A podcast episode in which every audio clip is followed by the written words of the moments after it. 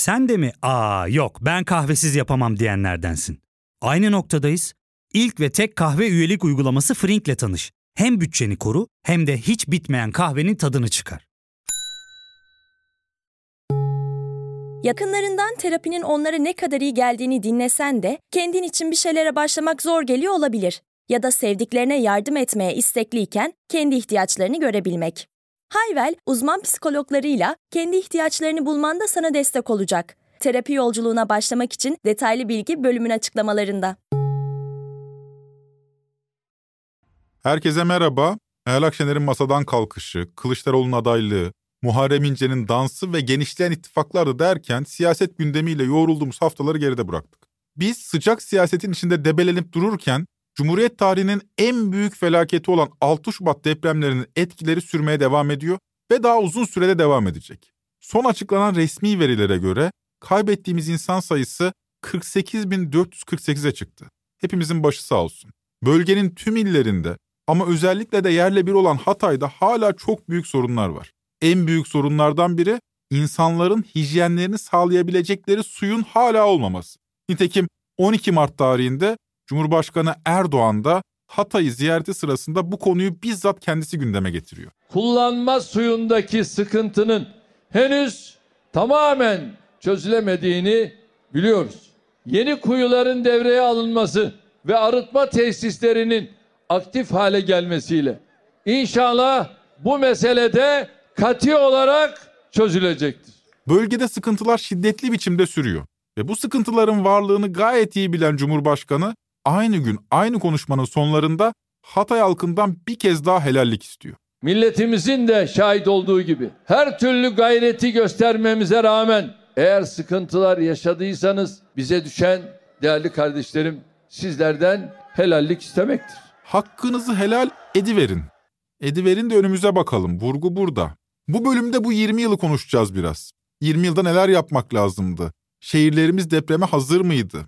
Belli ki değildi ama neden değildi? Arama kurtarma faaliyetlerinin yetersiz kalmasını da konuştuk depremi takip eden haftalarda. Neden yaşadık tüm bunları? Devlet ve binalar neden sınıfta kaldı? Ve daha önemlisi bundan sonra ne yapmalıyız mesela?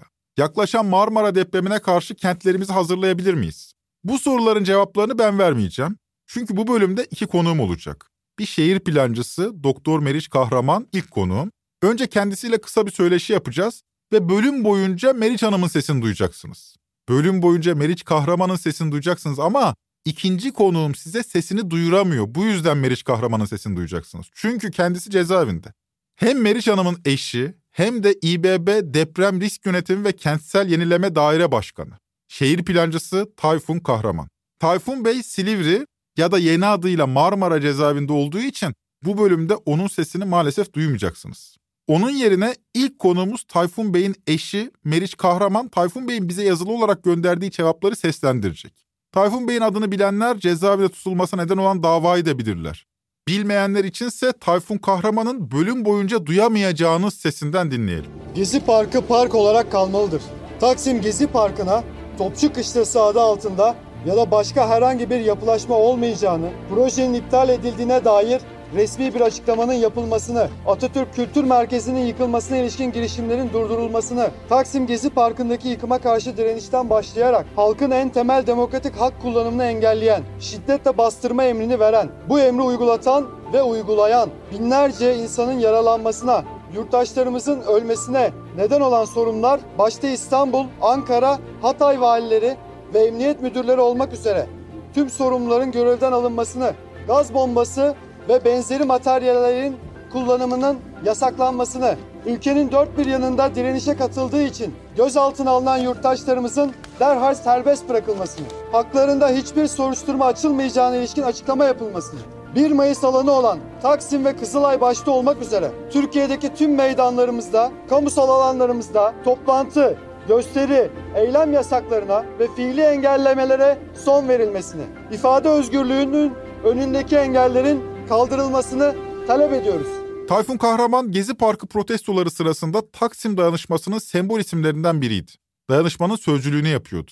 Ve Nisan 2022'de Gezi Parkı davasında Can Atalay, Mücella Yapıcı, Çiğdem Mater, Mine Özer'den, Hakan Altınay ile birlikte 18 yıllık hapis cezası verilen ve haksız yere hapiste tutulan 6 kişiden biri oldu. Tabi 6 isim arasına bir de Osman Kavala'yı eklemek gerekir ki onun cezası ağırlaştırılmış müebbet ve kendisi 7 yıldır hapiste. Lafı daha fazla uzatmak istemiyorum ama son bir not. Tayfun Bey'in gönderdiği mektubun tam metnini Podbi Medya'nın web sitesinde bulunan blog altında yayın alacağız. Bu blog sayfasının bağlantısını bölümün açıklamasından bulabilirsiniz. Ben Ozan Gündoğdu, hazırsanız başlayalım.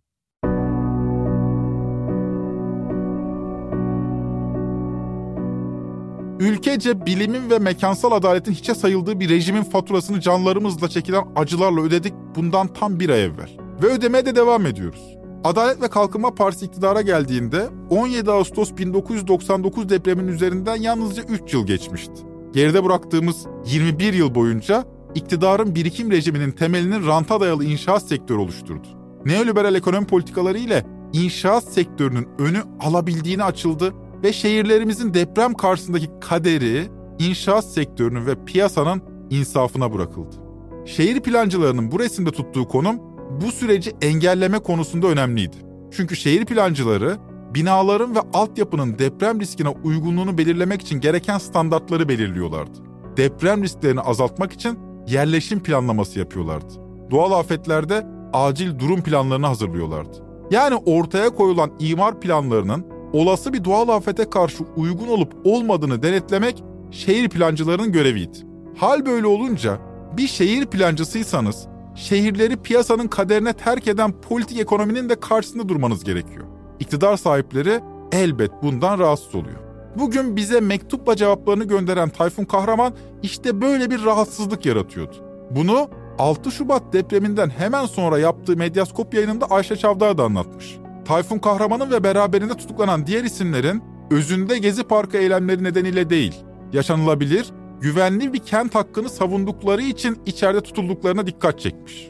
Diyordu ki ya kentleri böyle yapamazsın. Böyle yapılmaz kentler. Böyle alt üst edemezsin, böyle yıkamazsın. Ve buna itiraz ettiği için, buna olan itirazı örgütledikleri için bu insanlar cezaevindeler şimdi. Tayfun'la Mücella'yı özellikle söylemek isterim. Çünkü Tayfun Şehir Plancıları Odası'nda, İstanbul Şube Başkanı'ydı Tayfun.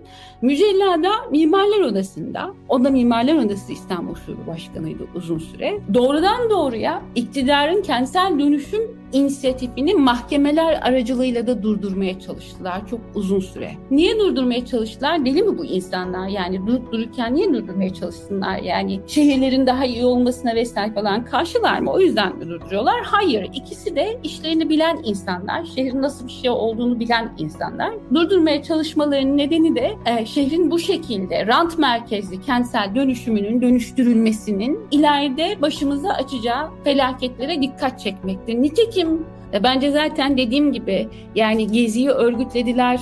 Bunda dış mihrakların bilmem nesiyle yaptılar vesaire falan değil. Tam da iktidarı en çok kazandığı ve en çok kazandırdığı yerde durdurmaya çalıştıkları ve bunu iyi yaptıkları için oradalar. Yani iktidarla da teması olan çok fazla müteahhitin canını yakmıştı Tayfun Kahraman. Zaten mimlenmişti yani. Olay Gezi'den çok önceye dayanıyordu. Tayfun Kahraman'dan kendisinin cevaplarına geçmeden evvel tekrar bahsedeceğiz. Ama artık söyleşi kısmına geçelim. Önce Meriç Kahraman'la yaptığımız kısa bir söyleşi var. Ona götürmek istiyorum sizi. Hazırsanız kaydı başlatıyorum. Meriç Hanım merhaba. Merhabalar Ozan Bey. Şimdi bir şehir plancısı ailesiniz aynı zamanda. Yani hem eşiniz hem siz şehir plancısınız. Kamu hizmeti de görüyorsunuz aynı zamanda. Kamusal sorumluluklarınız var. Bu tabloya baktığınız zaman yıllardır bilim insanlarının uyardığı felaketle karşı karşıya zaten insanların bence öfkeli olmasının sebebi de o. Bilim insanları deyince genellikle jeologlar akla geliyor. İnşaat hı hı. mühendisleri akla geliyor da meseleye makro perspektiften bakmıyoruz gibi. Yani kentin geneline bakarak bir bakış açısı geliştirmiyoruz. Bu noktada şehir plancılarının sesi bana kalırsa daha az çıkıyor. Bu şehir plancısı olarak nasıl gördünüz bu, bu felaketten sonra yaşadıklarımızı? Öncelikle çok gerçekten trajik. Yani şunu söylemem lazım herhalde. Bir vakit sonra biz bunu şey diye anacağız. İşte Büyük Maraş depremi. Büyük Maraş depremi diye anmayacağımız bir süreci yaşayabilirdik. Bunu el birliğiyle yaşayabilirdik. Böyle kayıplar vermeyebilirdik. Bu hem afet öncesi hem de afet sonrası yapılması gerekenler yerine getirilmiş olsaydı biz bugün Büyük Maraş depremi diye bir şeyi anmıyor olabilirdik. Yani 7.7, 7.8 yaşanabilirdi ama bu Büyük Maraş depremini büyük hale getiren o Richter ölçeğindeki rakamlar değil verdiğimiz kayıplar. Bunu vermemek mümkündü. Çünkü yıllardır raporlanan, söylenen, beklenen bu bölgede böyle bir depremin yaşanacağı aslında zaten belli. Hepimiz bunu biliyorduk. Belgelenmiş, raporlanmış uyarılar var. Fakat bunları dikkate almayan, kamusal sorumluluğunu, kamu otoritesi sorumluluğunu hiçbir şekilde yerine getirmeyen işte 1999 depreminden sonra bir milat kabul ettiği halde bu konuyla ilgili depremi, afeti önceliğine almayan bir plansızlıkla karşı karşıyayız. Siz bu işin içindesiniz, şehir plancısısınız. Ya şunu anlamaya çalışıyorum ben. Böyle büyük bir tehlike var. Büyük bir felaket yaşama ihtimaliniz var ve diyorsunuz ki pek de önlem alınmamış. Niye? Bu ham kötülük mü? Cahillik mi? Yani ihanet mi? Cehalet mi? Hangisi?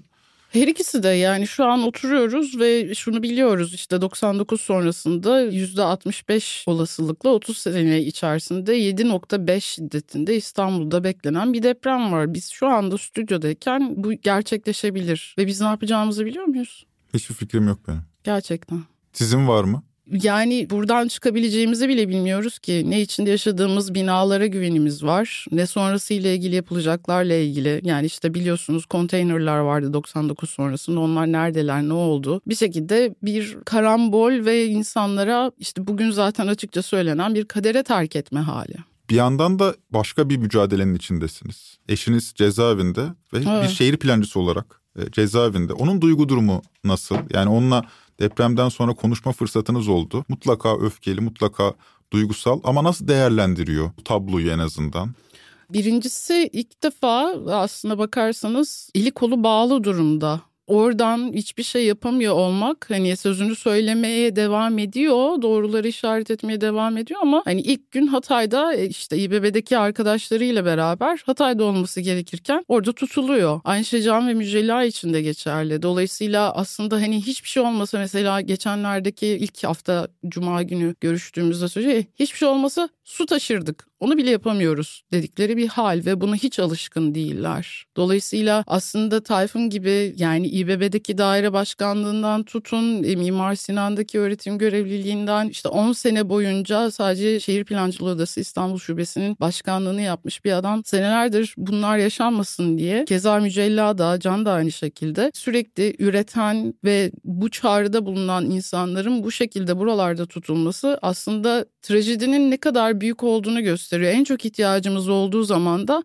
Tayfun nerede? İşte cumartesi günü e, büyük deprem bilim üst kurulunun toplantısı vardı. Ben de oradaydım. O, o kadar çok insanla beraberdik. Tayfun'a ihtiyacımız var. Tayfun nerede diyorlar. Çok son derece haklı bir soru olarak. Ama tabii yani şunu söylemem lazım. Tayfun, Can, Mücella aslında tam da bugün yaşadığımız yıkım ve acılar yaşanmasın. İnsanlarımız insanca yaşama, çalışma, barınma ve mülkiyet hakları rant çeteleri tarafından yağmalanmasın diye mücadele verdiği için içeride. Taksim'deki tek deprem toplanma alanı olan olan Gezi Parkı betonlaşmasın diye, Sulu Kuleliler 500 yıllık mahallesinden sürülüp şehir dışına atılmasın diye, mağduriyetten başka bir şey üretmeyen Fikirtepe ucubeleri olmasın diye toz kaparanlılar, Fititepeliler mülkiyet ve sağlıklı barınma haklarından edilmesin diye içerideler. Yani biz bu şehre ihanet ettik diyerek suç ortağı olmadıkları, fail ayırmaksızın tüm kent suçlarına karşı durdukları, dilsiz şeytan olmadıkları için içerideler ve onlar aslında hepimiz aynı şeyleri söyledik. Yani ben de bir şehir plancı olarak ama onlar hepimizden birkaç adım önde bunu söyledikleri için içerideler. Bir şey soracağım. Şimdi Tayfun Bey'in içeri girmeden önceki görevi, İstanbul Büyükşehir Belediyesi'ndeki görevi deprem risk yönetimi ve kentsel yenileme daire başkanı. Evet. Ben sizi tanıyorum. Zengin insanlar değilsiniz. Genelde böyle daire başkanları çok zengin olurlar. Yani baya paralı pullu insanlar olurlar. Çünkü değirmenin başında duran insanlar olurlar. Ne görevi vardı Tayfun Kahraman'ın? Yani oturduğu koltuğun yetkisi, görevi nedir? Ne yapıyor Tayfun Kahraman? Tabii şöyle bu daire başkanlıkları ciddi bütçeleri olan daire başkanlıkları ama tabii ki öyle liyakatlı bir düzen var ki İBB'de şu anda görev değişiminden beri Tayfun'un bizim hesap veremeyeceğimiz hiçbir şeyi olmadı olamaz. Yani mesela şehir plancılığı odası başkanıyken de aynı şey. Yani belki kamunun bir kısmı şey zannediyor. İşte oradan bir maaş vesaire bir şey alındı. Hayır bunlar tamamen gönüllülük esasında yapılan şeyler. Hani o işte her salı toplantı buradan bir herhangi bir geliri vesairesi bir şeysi olmayan insanlar bunlar aslında. Dolayısıyla Tayfun'un mesela Maraş depreminden hemen sonra imzasının da olduğu hep beraber çalışma arkadaşlarıyla ürettikleri İstanbul'un ilk müdahale ve tahliye planı raporu mesela ya da bugün çokça sözünden edilen işte İstanbul için şu an deprem öncesinde ortalama başvuru sayısı bir buçukken şu anda 5 bin 5 bin artan yüz binlerce başvurudan bahsettiğimiz hızlı tarama teknikleri onun mevzuata geçmesi için elinden gelen her şeyi bakanlıklara iletilmesi vesaire yani Tayfun'un inanılmaz bir emeği var aslında. Hatta sizin geçenlerde işte tekrar dinlediğim yayında işte afet eğitimi açısından mesela Tayfun çok acayip ekibiyle beraber kreşlere, okullara bu konuyla ilgili afet gönülleri ekibi var ve gidip eğitim veriyorlar. Hani bu eğitimi aslında işte mesela tatbikatlardan bahsediyoruz. Hiç gerçekle alakası olmayan tuhaf işler ama bu eğitimlerin düzenlenmesinde hızlı tarama tekniklerinde ya da müdahale ve acil ilk etaptaki tahliye raporlarında o kadar çok ciddi çalışmaları var ki hani bunu yatsımak, bunu yok etmek ya da işte yani zaten biliyorsunuz delilsiz, savunmasız içerideler ama bu kadar emeği sarf eden insanların bu şekilde cezalandırılması zaten akla fikre şey değil. Yani aslında baktığınız zaman bu rant yağmasından pay kapmak için bir takım star mimarlar, sözde plancılar gibi meslek onurlarını satıp bilgi birikimlerini kent suçu planlar, projeler için para babalarına hizmet için kullansalar çok rahat hayat yaşayabilirlerdi. Ama Tayfun, Can, Mücella onlar mesleki beceri ve tüm emeklerini toplum yararına sunmayı seçtiler. Bundan da hiçbir zaman zerre pişmanlık duymadıklarını bu şartlar altında değil toplumsal görevlerini bir an bile bırakmadıklarını aslında onları gören, izleyen herkes de şahit. Pardon. Şey yapacaksan dinleneceksen dinlen. Tayfun arıyor. Ha öyle mi? Nasıl? Telefon hakkı var ya. E, aa aç aç o zaman canım. Ne aramayacaktı halbuki. Sen aç aç. Çok özür diliyorum. Rica ederim. Tayfun? Tayfun? Bu telefon aramasıyla birlikte Meriç Hanım'la söyleşimizi bitirelim. Tayfun Bey'in haftada bir kez o da 10 dakikalık telefonla görüşme hakkı var. İnanır mısınız bizim kayıt esnasında aradı Tayfun Bey. Bize de denk geldi yani. Madem ki Meriç Hanım'ın sözlerini Tayfun demesiyle bitirdik, biz de konuyu buradan devralalım. Tayfun Kahraman'a sorduğum sorulara ve verdiği cevaplara geçmeden önce tanımayanlar için kendisini çok kısaca tanıtayım. Tayfun Kahraman, Mimar Sinan Güzel Sanatlar Üniversitesi Şehir ve Bölge Planlama bölümünden mezun, yüksek lisansını da aynı üniversitede kent planlama alanında yapmış. Doktorasını da İstanbul Üniversitesi Siyasal Bilgiler Fakültesi'nde siyaset bilimi ve kamu yönetiminde tamamlamış bir akademisyen. Ama kendisini yalnız akademisyen olarak tanıtırsak hata etmiş oluyoruz. Kendisi aynı zamanda bir aktivist, kent hakkı savunucusu. TÜMOP Şehir Plancıları Odası İstanbul Şubesi Başkanlığı görevinde bulunduğu sırada kent hakkını savunmak için sayısız çalışmalarda bulunuyor. Cezaevine girmeden önce de İBB Deprem Risk Yönetimi ve Kentsel İyileştirme Daire Başkanlığı'nı yürütüyor. Tam da bu yüzden Tayfun Kahraman adını 6 Şubat depreminin ardından yeniden duymaya başladık. Yaklaştığını bildiğimiz Marmara depremi hepimizi bir kaygı sarmalına sürüklemişti. Bu sıralarda Ekrem İmamoğlu bundan iki hafta önce Habertürk yayınına katıldı ve yayında İBB'nin deprem seferberliği planını anlattı. Tayfun Kahraman'ın adını anmadan da geçmedi. Örneğin bu hızlı tarama meselesi var ya önce bu işle dalga geçildi. Şimdi devletin diğer kurumları da bu işi önemsiyor ve hızlı tarama işini o dönemde kentsel yenileme ile ilgili deprem süreciyle ilgili daire başkanımız bu işin üstünde durdu. Hatta önüme getirdi şunu da söyledi bana. Dedi ki başkanım bu çok önemli bir konu ama bir o kadar da riskleri var. Yönetici riskleri var. Ne dersiniz? Ben dedim o riski alıyorum. Bu milletin canı mevzu bahis. Ve o arkadaşımın sayesinde o yenilemeyi hayata geçirdik. Şimdi o arkadaşımız eski İstanbul Şehir Plancıları Odası Başkanı Tayfun hapiste. Yani bu ülkede daha yeşil, daha güvenilir konutlar olsun, daha iyi bir şehir planlaması olsun diye hayatını adamış bir kardeşim hapiste. Tayfun Kahraman, İBB'nin bina tespiti projesinin ve hızlı tarama yönetiminin mimarlarından biriydi. Kendisine İBB'de görev yaptığı süre boyunca yaklaşan Marmara depremine karşı ne tür önlemler aldığını da sordum. Oldukça uzun bir cevabı var. Burada paylaşamadık. Ama siz bu cevaba mektubun tamamını yayınladığımız sayfadan ulaşabilirsiniz. Bu mektuba geçmeden önce burada bölüme ufak bir ara verelim. Döndüğümüzde Tayfun Bey'in cevaplarını birlikte dinleyeceğiz.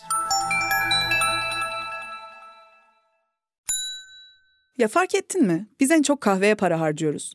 Yok abi, bundan sonra günde bir. Aa, sen Frink kullanmıyor musun? Nasıl yani? Yani kahvenden kısmına gerek yok. Frink'e üye olursan aylık sadece 1200 TL'ye istediğin çeşit kahveyi istediğin kadar içebilirsin.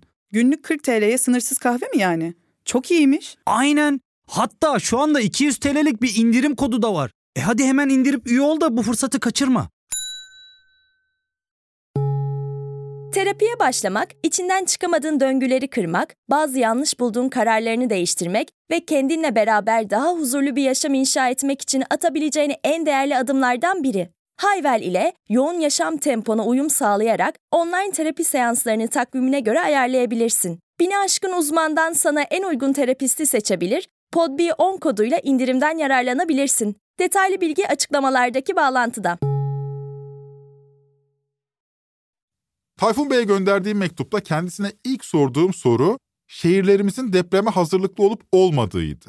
Kendisi bu soruma şu cevabı yazmış. Eşi Meriç Kahraman'ın sesinden dinleyelim. Ne yazık ki kentlerimiz ne depreme hazırdı ne de deprem büyüklüğü beklenmeyen bir büyüklüktü. 6 Şubat'ta doğru olan gereğince yapılan şeyler çok az olduğu için kayıplarımız çok büyük oldu.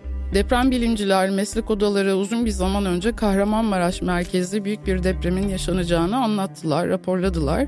Fakat bu uyarıları bilimsel gerçeği görmezden geldik. Ne yazık ki bu soruya verebileceğim cevap hayır. Bu noktada insanın aklına ilk gelen soru elbette o halde hazır olmak için ne yapmak gerekiyordu oluyor. Bir kenti depreme hazırlıklı hale getirmek ne anlama geliyor? Ne gibi süreçler ve prosedürler var bu işin içinde? Tayfun Bey buna da cevap vermiş mektubunda. Öncelikle ülkemiz genelinde bu tehdit ile karşı karşıya olan tüm kentlerimizin, yerleşim alanlarımızın zemin çalışmalarını tamamlamalıydık. Yani tüm kentlerimizde imar planlarına atlık oluşturacak, detaylı zemin durum tespitini içeren mikro bölgeleme dediğimiz zemin çalışmaları ve haritaları yapılarak imar planları bu atlıklara göre revize edilmeliydi. Yapılan revizyon çalışmaları ile eş zamanlı olarak yapım tarihlerine bakılmadan tüm yapı stoku hızlı tarama yöntemleriyle taranarak zemin ve üzerindeki yapı durumu karşılaştırmalarıyla yapıların beklenen depreme karşı davranışları tespit edilmeliydi. Her yapının muhtemel hasar durumu ağır, çok ağır, orta, hafif ya da hasarsız olarak sınıflandırılarak bunlara yapılacak müdahaleler tespit edilmeliydi yıkılıp yeniden yapılması gerekenler, güçlendirilmesi gerekenler ya da yerleşime uygun olmayan alanlarda bulunan ve tamamen taşınması gerekenler olarak gruplandırılmalıydı. Elbette kolay bir işten bahsetmiyoruz. Sadece deprem bölgesinde yaklaşık 15 milyon insanımızın yaşadığı, eğitim gördüğü, çalıştığı yüz binlerce yapıdan bahsediyoruz. Bunu tüm ülkemize genişletirsek milyonlarca yapıdan konuttan bahsediyoruz.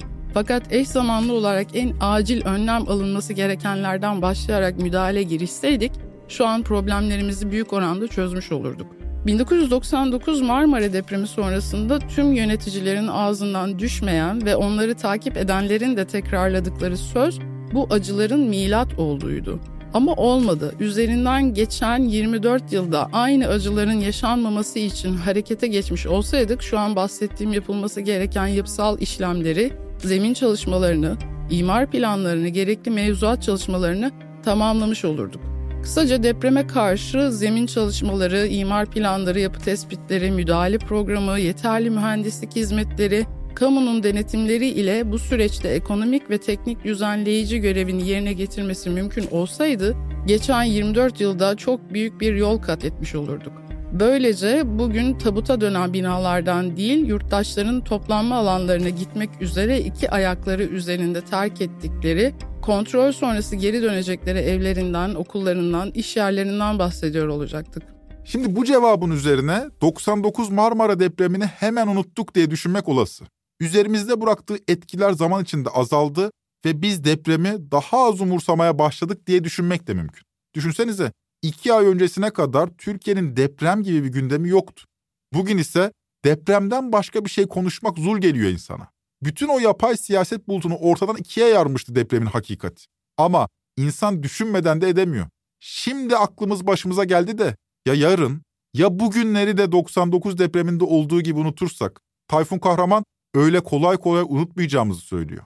1999 depremini de çok çabuk unutmadık. Üzerinden geçen zamanla beraber önceleri ağzımızdan düşmeyen, önlemler alınmaya çalışılan depremi yavaş yavaş unuttuk. Arada yine büyük acılara neden olan Van, Elazığ, İzmir depremleri daha yerel olarak algılandı. Toplum tarafından ve 99 depreminde yaşanan travmayı hatırlatsa da aynı etkiyi yaratmadı. Toplum özellikle büyük travmaları unutmak ve bu konuda önlem alacağını düşündüğü kamu otoritesine ve devlete güvenerek bu yükü ona bırakmak ister. Böylesi bir afet durumunda devletin kendisi ve toplum için gerekli tedbirleri aldığını düşünmek ister. Tabii bu düşüncenin temelinde çaresizlik var. Çünkü hem ekonomik imkansızlık hem de böyle bir afetle karşılaştığında ne yapacağını bilememek insanlarda çaresizlik duygusu yaratarak işi kadere bağlamalarına neden oluyor. Bu durum unutmaktan çok toplumsal açıdan çaresizlik olarak tanımlanabilir. İnsanların içinde her zaman deprem korkusu var ve tam olarak böyle davranmasalar da unutmuş değiller ama kamu otoritesi unutmuş durumda. Çalışmalar sırasında alanda çok sık karşılaştığım bir durum. Siz deprem dediğimizde insanlar sizi can kulağıyla dinliyor ve sizden bu yaralarına merhem olacak bir çare bekliyorlar. İstanbul'da 1999 depremi sonrasında yapılan anketlerin neredeyse hepsinde İstanbul'un en önemli sorunu nedir sorusuna verilen cevap deprem oluyor. Gündeme göre oranlar değişse de deprem cevabı birinci sırasındaki yerini koruyor. Yaşanan Maraş merkezli deprem sonrasında tüm Türkiye'de depremin ekonomik krizle birlikte başlıca sorunlarından biri olarak tanımlanacağını düşünüyorum. Bunu Trend Topik'te Şubat ayında yayınladığımız bölümlerde defalarca söyledik. Müzik değişti, dans da değişmek zorunda dedik. Mayıs ayında yapılacak seçimlerde bu ülkenin geleceğini yönetmeye aday olan her siyasetçi deprem hakkında bir şeyler söylemek zorunda kalacak dedik. Çünkü 6 Şubat depreminin ardından hepimiz evimizin duvarlarına, kolonlarına bakıp duruyoruz. Güvenli depreme dayanıklı evlerde mi yaşıyoruz? Çoğumuzun bu soruya verebileceği net bir cevabı yok. O halde bu soru işaretlerine cevap vermek zorunda olan siyasetçiler ne düşündüklerini anlatmak zorundalar. Deprem en büyük sorunumuz ama gelin görün ki Maraş depremine de konuştuğumuz bir sorun da değildi. Buna da değiniyor Tayfun Kahraman mektubunda.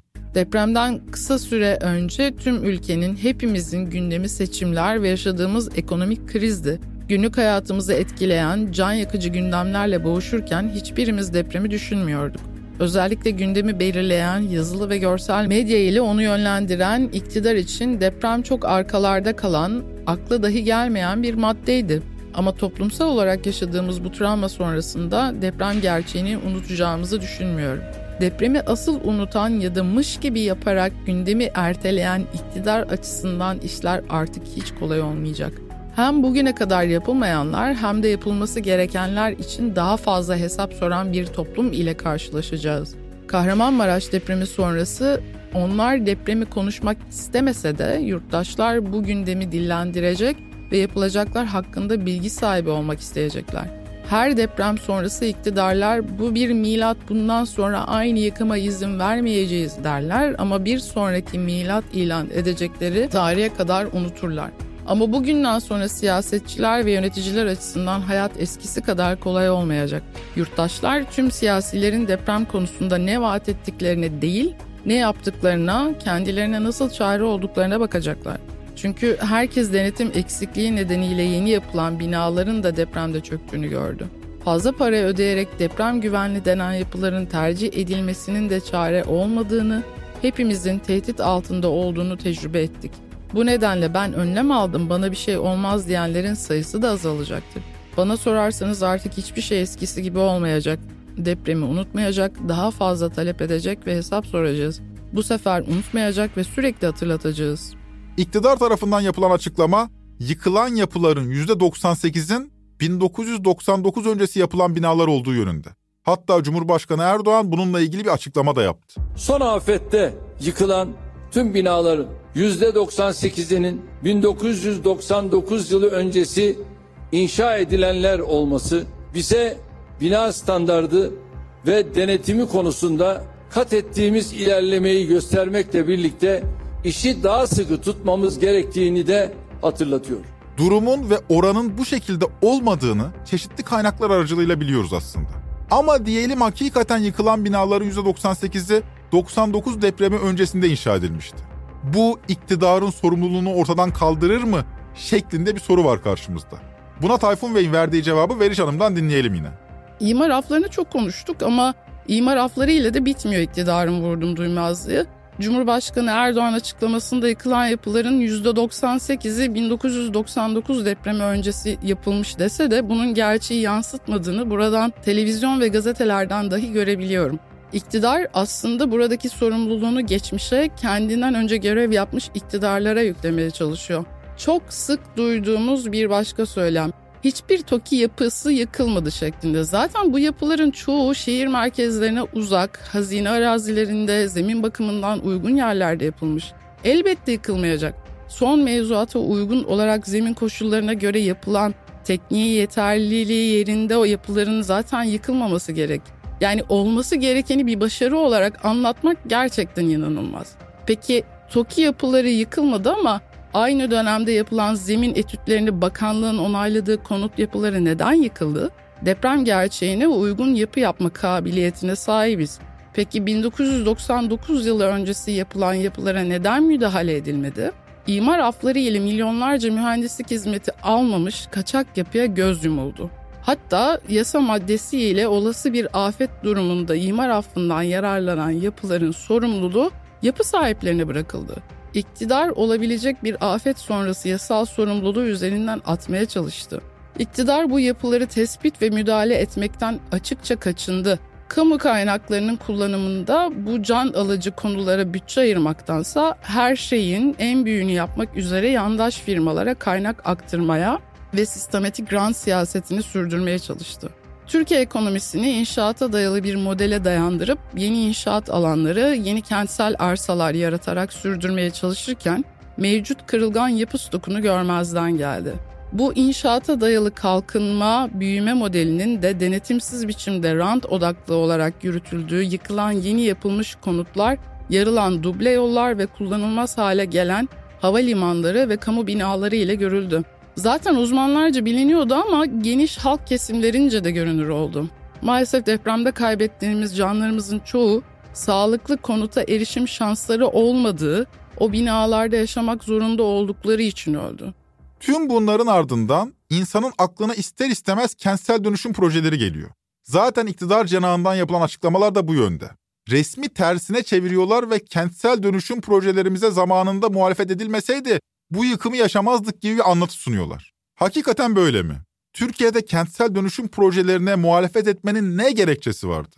Bunu sordum çünkü başta da Ayşe Çavdar vasıtasıyla paylaştık. Tayfun Bey de İstanbul'da kentsel dönüşüm projelerini açtığı davalarla bilinen bir isimdi. Kendisinin verdiği cevap şöyle. 1999 Marmara depremi sonrasında kırılgan yapı stokunun tespiti, güçlendirilmesi, yenilenmesi, sağlıklı kentsel mekanlar yaratmak üzere kullanışlı bir yöntem olarak sıkça konuştuğumuz kentsel dönüşüm kavramının da içi boşaltıldı. Kentsel rant üretme kapasitesi yüksek olan alanlarda kentsel dönüşüm projesi adı altında nüfus ve yapı yoğunluğunu arttıracak şekilde birçok gayrimenkul geliştirme projesi yapıldı kentsel dönüşüm piyasa koşullarına terk edildi. Vatandaşlar hazır müşteri olarak ya da kent merkezinde yaşamaya layık olmadığı için yerinden edilmesi gereken nüfus fazlası olarak görülerek yeni kentsel arsalar yaratmanın ötesine geçilemedi. Bu durumda iktidarın kentsel dönüşüm projelerini bir rant aracına dönüştürdüğünü söylemek mümkün. Riskli alanların yeniden inşasından çok en çok kar getirecek alanların yeniden inşası ve bu inşaat projelerinin ihalelerinin de belli sermaye gruplarına verildiğini görüyoruz. Ama inşaat, rant ve siyaset üçlüsünü gördüğümüz tek nokta yalnız kentsel dönüşüm projeleri de değil diyor Tayfun Bey mektubunda. Kentsel dönüşüm projelerine zemin hazırlayan ve 2011 yılında yürürlüğe giren bir kanundan da söz etmek gerekiyor. Van depremi sonrasında yaşanan acılar ile bu kez 2011 yılı milat ilan edilirken 6306 sayılı afet riski altındaki alanların dönüştürülmesi hakkında kanun yürürlüğe girdi. Dönemin bakanının söylemiyle tüm yurtta riskli yapılara karşı bir mücadele başlatılacak ve ülkemizde afetlere karşı kırılgan bir yapı kalmayacaktı. İktidarın büyük bir kampanya ile yürürlüğe koyduğu bu yasal düzenleme sonucunda ne oldu? İktidar bu yasayı da kendi yetki alanını genişletmek, kentsel arsalar üreterek gayrimenkul geliştirme projeleri yapmak üzere kullandı. Örneğin yapılan ilk işlerden biri Kanal İstanbul güzergahının İstanbul'un toplam yüz ölçümünün 1 bölü 6'sını rezerv konut alanı ilan ederek 6306 sayılı kanuna göre imar planı yapmaktan yapı ruhsatı vermeye kadar bu bölgedeki tüm yetkinin bakanlığa aktarılması oldu. Yine İstanbul örneğine bakarsak gerçek risk taşıyan alanlar yenene kent merkezindeki değer yaratma potansiyeli yüksek alanlar riskli alan ilan edildi. Tekil olarak riskli ilan edilen yapılar da yine İstanbul'un en değerli bölgeleri dışında görülmedi. Sözün özü Maraş depremine kentlerimiz hazır değildi, iktidar hazır değildi, vatandaş hazır değildi, yerel yönetimler hazır değildi. Riski ve tehditleri bilmemize rağmen bunları görmezden geldik ve ne yazık ki deprem bölgesindeki kentlerimiz neredeyse haritadan silindi. Şimdi yıkılan binaların çoğu eski ki gayet anlaşılır. Ama bazı binalar da var ki oldukça yakın dönemde inşa edilmiş hatta depreme dayanıklı diye pazarlanmış. Böyle binalar da yıkıldılar 6 Şubat'ta. Bunların hepsine yasal mevzuata uyulmadan izinsiz inşa edilmiş demek de yanlış. Pek çoğu mimari ve statik projeleri gayet de onaylanmış, imar planlarına uygun inşa edilmiş yapılar. Benim de kafam burada karışıyor. Yahu mevzuata uygun bu binalar çöküyorsa sorun tam olarak nerede? Sorun bunların gerekli özen gösterilmeden yapılması ve yerel yönetimler ile bakanlık tarafından gerektiği şekilde denetlenmemesidir. Meslek odalarının proje vizeleri yoluyla denetim yetkisi 2013 yılında ellerinden alınmıştı zaten. Aslında ne müteahhitler, mühendisler, mimarlar, plancılar ne de kamu otoritesi deprem olana kadar gereken hassasiyeti göstermediler. Bu fotoğrafın başka bir izahı yok. Çünkü bölgede deprem gerçeği göz önüne tutularak yapılmış olan ve hiçbir hasar almamış olan yapılar da var. Canlarımız üzerine kumar oynanmıştı. Hiçbir vatandaş satın aldığı konutun yaşadığı evin güvenli olup olmadığı konusunda tek başına sorumlu değildir. Kamu bu denetim ve kontrolleri tüm toplum adına gereğince yapmak ve güven sağlamak da görevlidir. Asıl sorun da burada zaten. Depremzedeler kamu otoritelerince denetlenen yapılara güvenerek müteahhitlerin, teknik uzmanların gereken hassasiyeti gösterdiğini düşünerek bu yapılara taşındılar. Hiç kimse imar planlarında şart koşulan zemin etütlerinin gereğince yapılmadığını, yapıların uygun biçimde projelendirmediğini bilemezdi ki. Yapı bütünlüğü bozulmadan zeminden ayrılarak yan yatan binalar bulundukları zemine uygun olarak yapılmadıklarını gösterdiler. Binalar deprem yönetmeliğine, teknik gereksinimlere uygun olarak yapılmış olsa da zemin koşullarına uygun olmadıkları için yıkıldılar. Meslek odalarının proje denetimi yetkisi 2013 yılında ellerinden alınmıştı diye yazmış Tayfun Bey mektubunda. Bu konuyu biraz daha açalım isterim ki siz de bu sürecin nasıl gerçekleştiğini anlayın. Çünkü Tayfun Bey bunu da anlatmış. Tabii bir taraftan da imar planları, zemin çalışmaları ve yapılar özelinde meslek odalarının, TUMOB'un denetim yetkisini kullanmasının engellendiği gerçeği var önümüzde. 2013 yılında gezi direnişi sonrasında Temmuz ayında iktidar bir torba yasa içerisinde TUMOB'un gelir kaynaklarını kesmek amacıyla meslek odalarının denetim yetkilerini elinden aldı. Yapılar özelinde projelerin teknik yeterliliklerini incelemek üzere meslek odalarının özellikle inşaat mühendisleri ve mimarlar odasının yaptığı vize uygulamaları kaldırıldı. Yaşadığımız yapıların projelerini denetleyen bir mekanizmayı ortadan kaldırdılar. Bir taraftan da biz meslek odası yöneticilerini hukuksuzca cezaevine gönderdiler. İşte sonuç ortada. Aslında cezalandırılan TUMOB'a bağlı meslek odaları değil, onların denetiminden mahrum kalan binalarda yaşamak zorunda kalan yurttaşlar oldu. Yıkımın bu boyutta olmasının nedenlerinden biri de yapı denetim sisteminin yetersizliği.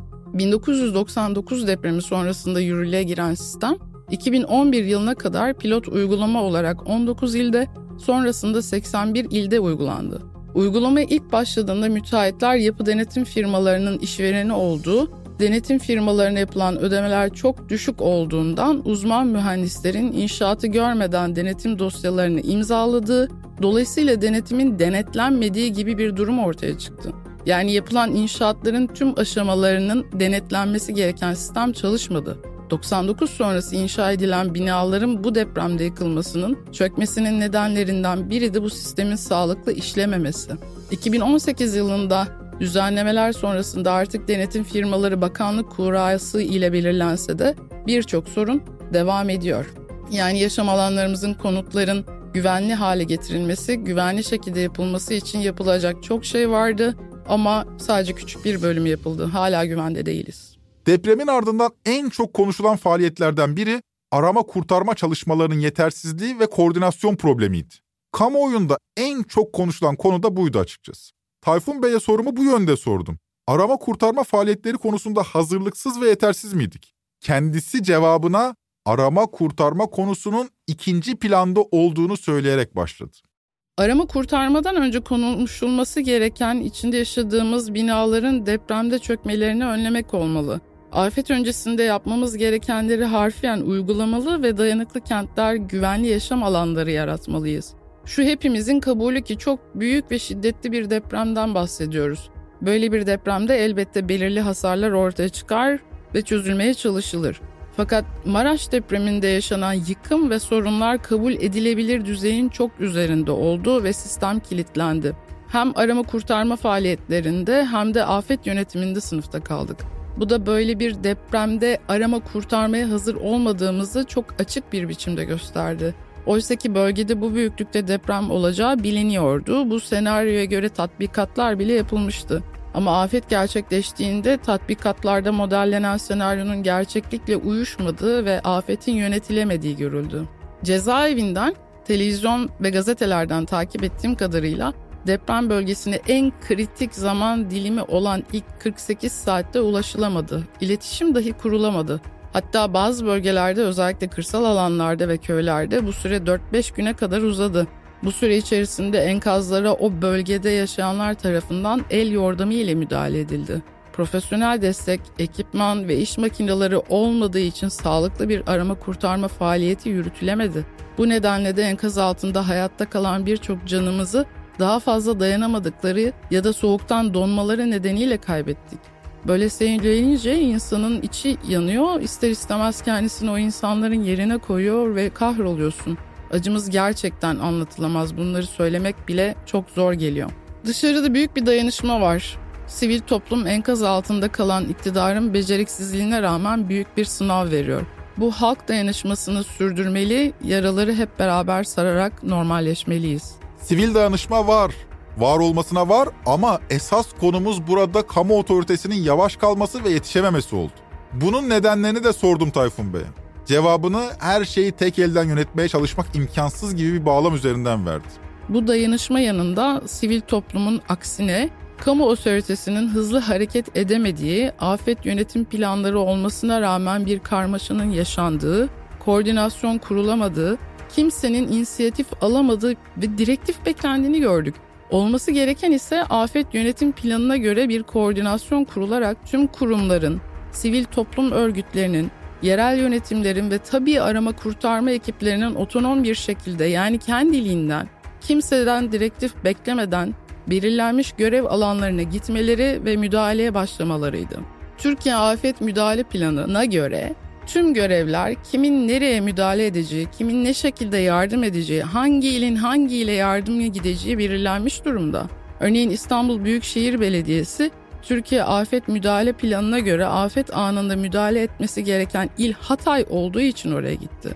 Fakat 2011 yılında AFAD'ın kurulması ile tüm afet işleri tek elde toplandığı, sivil savunma ekipleri kaldırıldığı, Kızılay sadece kan bağışı yapılan bir holdinge döndüğü, Türk Silahlı Kuvvetleri sahaya çıkamadığı, her şey tek merkezden yönetildiği için böyle bir karmaşa yaşandı. Afet durumunda piramidal hiyerarşiye tek merkezden koordinasyon olmaz. A biçiminde kendiliğinden işleyen bir sistem olmalı. Sivil toplumun deprem bölgesine hızla müdahale etmesi de kimseden direktif beklemeden, koordinasyona ihtiyaç duymadan hareket edebilme yeteneğiyle gerçekleşti. Fakat iktidar bölgeye hakim olmaya başladıkça kendi beceriksizliği karşısında iyi bir sınav veren sivil topluma yüklenmeye başladı. Ülkede yaşadığımız tek adam rejimi gibi afetlerde yaşadığımız tek otorite sistemi de afet yönetiminde ve arama kurtarmada büyük bir karmaşa yarattı. Ne yazık ki afet yönetiminde de yapılan tahribat nedeniyle bize güven verecek, el uzatacak olan devlet sınıfta kaldı. Devlet sınıfta kaldı diyor Tayfun Kahraman. Peki bu noktadan itibaren sınıfı nasıl geçeceğiz? Artık gözle görülür olmuş. Ayan beyan ortada bu kaosu nasıl çözeceğiz? Afetler karşısında kilitlenen devlet mekanizmasına nasıl işlerlik kazandıracağız? Öncelikle afet yönetim sistemini yeniden kurgulamak şart. Afet yönetim planlarını, kamu kurumlarını, sivil toplum, özel sektör, yerel yönetimler ve tüm yurttaşları kapsayacak ve afet anında onları zorunlu göreve çağıracak görev ve yetkileri önceden belirlenmiş olduğu için kendi başlarına hareket edebilecekleri bir organizasyon şeklinde tasarlamak gerekli. Bu kapsamda da belli periyotlarda tatbikatlar yaparak bu organizasyon pekiştirilmeli. Ekim 2019'da İstanbul'da yaşanan 5.9 büyüklüğündeki depremde hiçbir yıkım olmamasına rağmen yaşanan iletişim sorunlarını mutlaka çözmeliyiz. Ulaşım altyapısının da en büyük şokları bile karşılayacak dayanıklıkta olması gerekli. Afet ve ilk yardım eğitimleri ilk ve orta öğretim kurumlarında zorunlu hale getirilmeli. Okullarda sıkça afet durumuna hazırlık anlamında tatbikatlar yapılmalı. Düşünün 1999 depremi sonrası eğitimlere başlanmış olsaydı şu an ülke nüfusunun büyük çoğunluğu bu eğitimleri almış olacaktı. Maraş depremini böyle eğitimli bir nüfus ile karşılamış olsaydık emin olun afet sonrası yapılacakları herkes çok iyi bilecekti. Bunun yanında arama kurtarma eğitimleri yaygınlaştırılmalı ve afet gönüllü ağları genişletilmeli. %70'i deprem bölgesi olan ve her an yeni bir afetle karşılaşma ihtimali yüksek olan bir ülke olarak gönüllülüğü arttırmamız, hatta her mahallede gönüllü örgütlenmeleri kurmamız gerekli. Benzer örnekleri mahalle afet gönüllüleri şu an sergiliyor fakat bu örgütlenmeyi genişleterek içinde gerekli teknik malzemelerin, jeneratör, hilti, demir makinası benzeri aletlerin, acil yardım malzemeleri ile koruyucu ekipmanların yer aldığı acil durum depolarını her mahalleye yerleştirmeliyiz. Böylece afetin hemen ardından kendiliğinden harekete geçerek arama kurtarma yapacak bir sistemi hayata geçirebiliriz. Tayfun Kahraman farklı boyutlarda önlem alınması gereken bir süreçten bahsediyor. Bu nedenle uzun soluklu ve topyekün verilmesi gereken bir mücadeleden söz ediyoruz. Bu ne yalnız merkezi otoritenin ne de yerel yönetimlerin tek başına yürütebilecekleri bir süreç. Zaten Tayfun Bey de mektubunda son olarak bunu yazmış. İstanbul özelinde de diğer kentlerimiz için de yerel yönetimlerin deprem karşısında çalışmaları ve gösterdikleri çaba yeterli olmayacaktır. Bugüne kadar çok hatalar yapıldı. Hepsini tekrar sıralamayacağım ama şöyle bir gerçek var ki hep birlikte tam bir seferberlik halinde mücadele etmeden, birlikte çalışmadan deprem tehdidini ortadan kaldıramayız. Bu sadece yerel yönetimler ve merkezi yönetim ile sınırlı değil.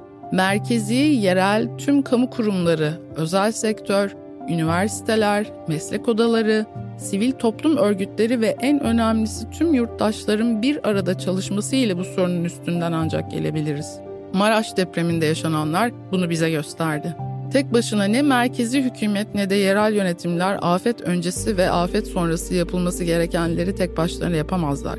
Hep birlikte dayanışma içerisinde kararlı bir mücadele yürütmemiz şart. Bu tek başına ne finansal ne teknik ne de bir kapasite sorunu. Bunların hepsini kapsayan ve ancak ortak akılla hep beraber çalışarak sonuç alabileceğimiz bir yönetim ve zihniyet sorunu. Şöyle ki merkezi hükümet milyarlarca kamu kaynağını depremle mücadeleye aktarsa da o yapıları yapacak olanlar, onları denetleyecek olanlar bu sorunu sahiplenecek bir anlayış ve birikime sahip değilse sağlıklı bir sonuç alamazsınız. Hepimiz 1999 depremi sonrası değişen mevzuat ile yapılan yapıların sağlam olduğuna inanıyorduk. Ne oldu depremde? Bu yapılar da çöktü. Bu aynı zamanda bir bilinç ve ahlak meselesi. O nedenle az önce saydığım bileşenlerin tek bir masada oturarak üzerine düşen görevleri layığıyla yerine getirmesiyle biz sadece İstanbul için değil, tüm kentlerimiz için depremi yaşamı tehdit eden bir sorun, bir beka meselesi olmaktan çıkarabiliriz. Yani yerel ile merkezi yönetimlerin işbirliği elbette önemli ama yetmez. Diğer tüm kurumları, sivil toplum, özel sektör ve yurttaşları da yanlarına almak zorundalar. Depremle yıkılmak istemiyorsak bilimden kopmadan onun yol göstericiliğinde ortak akla dayanan bir yönetim kabiliyeti sergilemeliyiz. Yoksa işimiz gerçekten çok zor.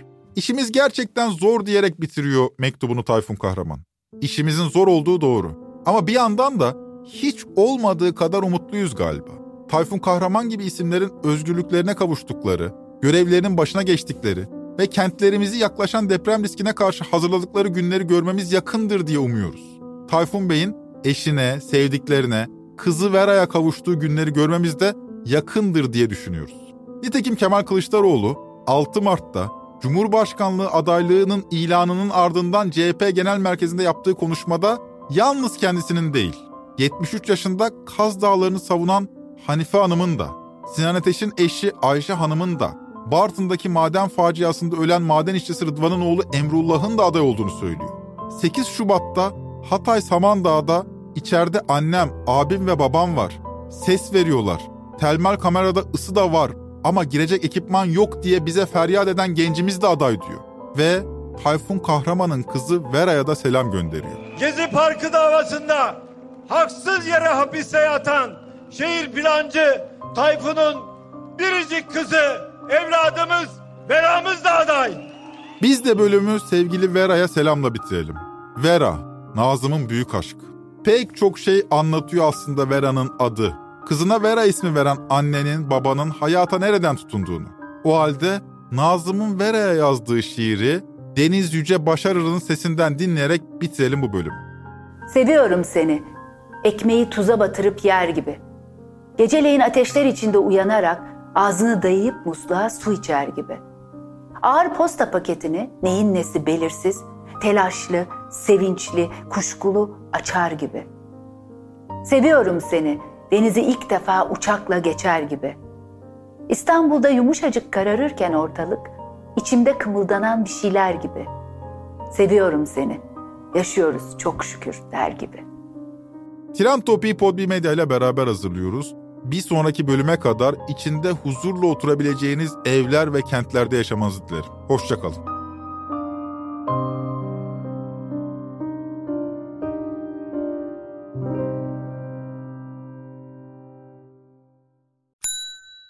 İlk ve tek kahve üyelik uygulaması Frink, 46 ildeki 500'den fazla noktada seni bekliyor. Açıklamadaki kodu girerek sana özel 200 TL'lik indirimden faydalanmayı unutma. Hadi sen de Frink üyeliğini başlat, kahven hiç bitmesin. Hem bugününe hem yarınına katacaklarıyla terapi yolculuğuna ve daha iyi hissetmeye bugün Hayvel ile başla. Açıklamadaki linkten Hayvel'i indir, ücretsiz tanışma görüşmelerinin ardından bütçene uygun seans paketini seç ve terapi yolculuğuna başla.